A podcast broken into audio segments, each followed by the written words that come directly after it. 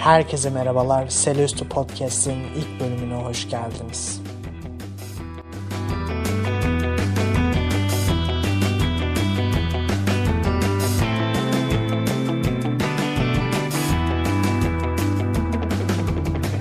Ee, benim adım Duhan. Ben İzmir Kalp Çelebi Biyomedikal Mühendisliği okuyorum. Ee, çocukluğumdan beri yani kendimi bildim bilirdi çocukluğumda. Yani bir 5 yaşından beri bisiklet sürüyorum. Ee, bisikletin tabii herkese göre anlamı biraz farklı olabilir.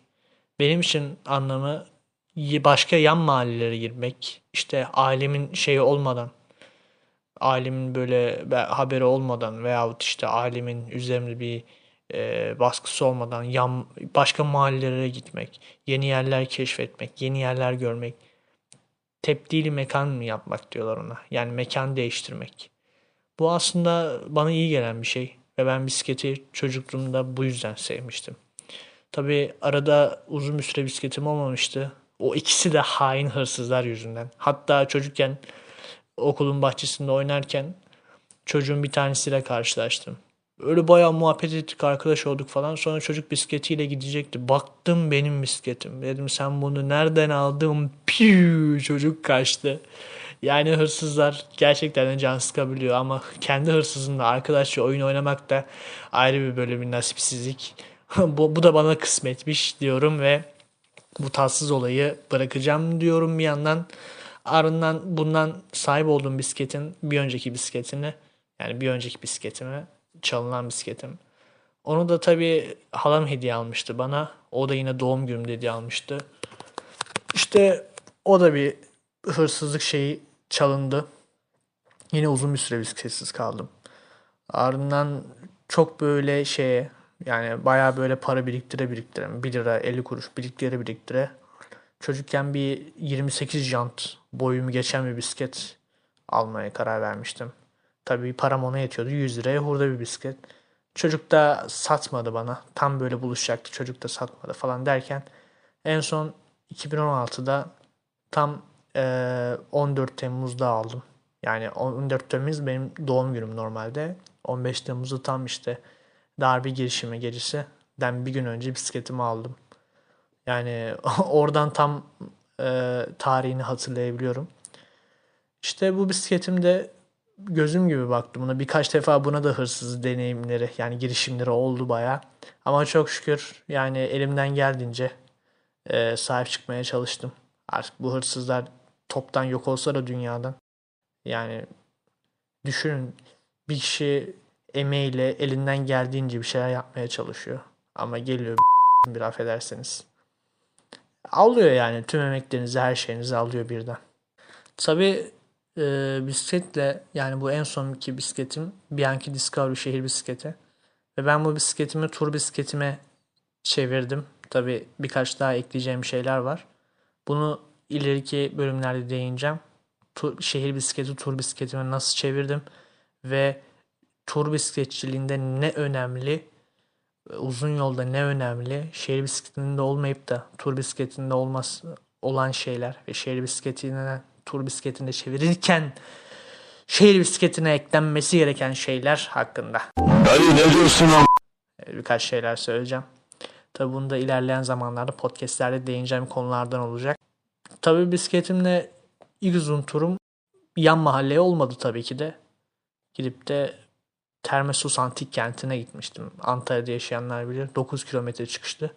Ve ona da okuduğum bir kitap e, vesile olmuştu. Kayıp Gül diye. Yani mitolojiye merakımı açan ve eski tarihe, Antalya'nın tarihine ve o Ege Akdeniz tarihine merakımı açan e, kitaplardan biriydi.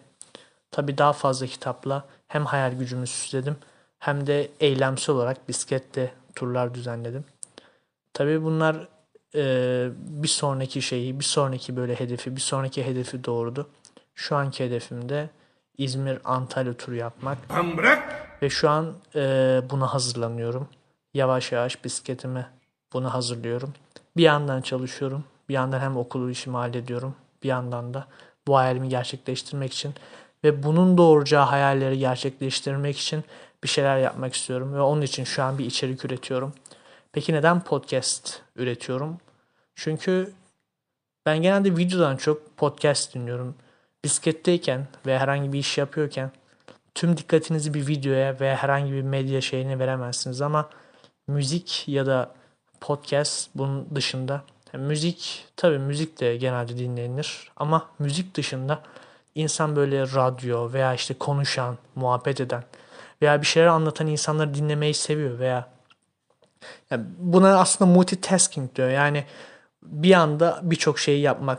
Bir insan hem e, araba sürerken videoya odaklanamaz. Ne yapar? Radyosunu açar veya bisiklet sürerken video izleyemez. Ne yapar? Radyo veya müziğini açar veya podcast'ini dinler. Aynı şekilde podcast e, değerlenecek bir alan olarak görüyorum. Günlüğüne 25 bin dolar artı kardan pay. 25 bin dolar. Artı kardan da pay 10 lira dese güzel para kanka. Güzel para yani. podcast alanında e, podcast camiasına hakim biri olarak tabii elimden geldiğince hakim biri olarak çünkü çok fazla podcast dinliyorum. Ben de bir podcast serisi başlatmayı düşündüm ve umarım benim de fikirlerim bana fikir verenler gibi e, birilerine fikir verir. Belki birilerine keyif verir ya da arka planda bile olsa yani rahatlatırsam insanları benim için güzel bir şey olur. Bizim de aynı evde arka sokakların eski bölümlerinin oynaması gibi. Evde o sadece oynar. Televizyonda oynar kimse onu dinlemez. Kimse arka sokakları dinlemez yani. İzlemez pardon.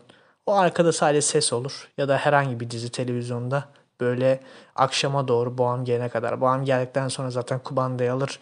Zorunlu olarak onu izlemek zorunda kalırız ama ondan öncesinde böyle arka planda ses olarak böyle televizyon açarsınız ya. Belki o cihette de dinleyebilirsiniz. Ya da umarım size keyif de verebilirim. Tabii bu pilot bölümümdü. Tek nefesle konuşmaya çalışıyorum şu an. İlk yayın şeyleri olabilir. Dediğim gibi bakalım önümüzdeki süreçler gösterecek. Görüşürüz arkadaşlar.